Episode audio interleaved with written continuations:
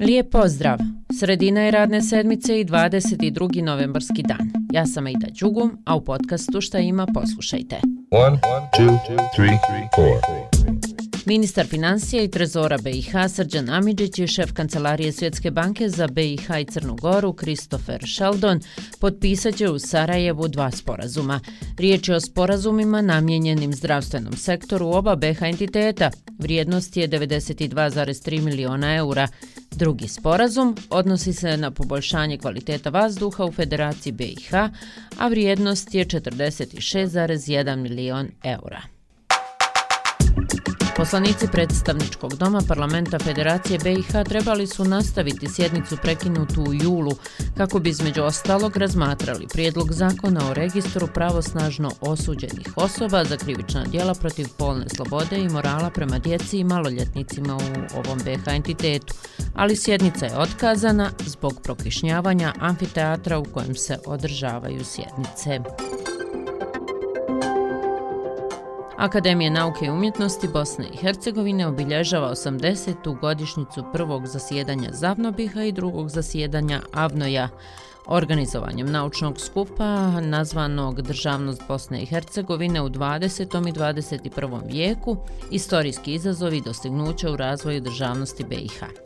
Više od 30 naučnika učestvuje na skupu, a Mirko Opejanović, podpredsjednik Akademije nauke i umjetnosti BiH i Ahmet Kulanić, predsjednik Fonda memorijala kantona Sarajevo, u najavi ovog događaja su rekli. Tako da će ovaj naučni skup biti po strukturi oni koji su pripremili referate osoben, poseban, kao što je posebna i godišnjica. Ono što će se govoriti i razgovarati na ovom naučnom skupu je jedan vid e, doprinosa na našoj općoj kolektivnoj svijesti o važnosti države Bosne i Hercegovine, o važnosti njenih institucija.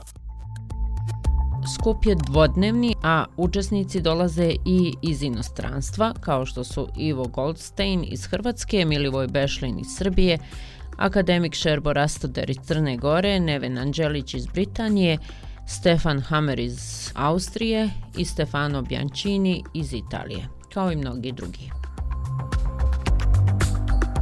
Danas se navršava 60 godina od ubistva američkog predsjednika Johna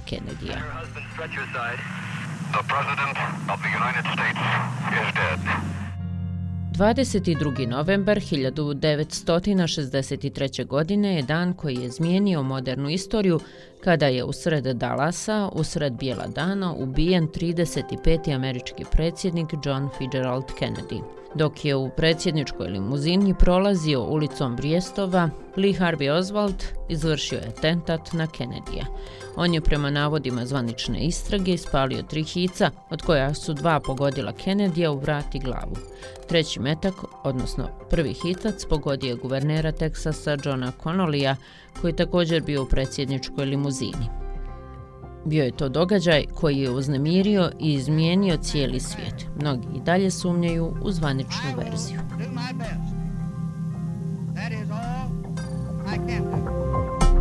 E kad smo već kod nepoznanica i misterije, jedna zanimljivost. U nedavno pronađenom intervjuu BBC-a iz 2003. godine otkriveno je ime misterioznog uličnog umjetnika Banksija. Na snimku novinar Nigel Ranch pita umjetnika da li se zove Robert Banks, na šta umjetnik odgovara. Robbie? Već dugo se spekuliše o pravom identitetu uličnog umjetnika iz Bristola, čiji radovi koštaju nekoliko desetina miliona i pojavljuju se na raznim lokacijama širom svijeta, pa čak i na zapadnoj obali. Cijeli intervju s Banksijem dostupan je u naknadno snimljenoj epizodi BBC-evog podcasta pod nazivom Banksijeva priča. Intervju je rijetka prilika da se čuje glas ovog umjetnika. Umjetnika koji tada ima oko 20 godina intervjuisao je bivši BBC-ev dopisnik za umjetnost povodom njegove izložbe Turf War.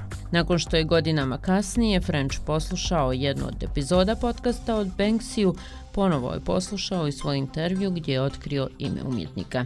Banksy je postao poznat kroz niz grafita koji su se pojavili na zgradama širom Britanije. Jedan je od najpoznatijih umjetnika današnjice ali uprkos tome odlučio je da ne otkriva svoj identitet. Šokirao je umjetnički svijet 2018. kada se njegova slika djevojka s balonom samo uništila u Londonu nakon što je prodata na aukciji. Drage moje i dragi moji, zanemarite kišu i uživajte u dan. Toliko od mene, čujemo se neki drugi put.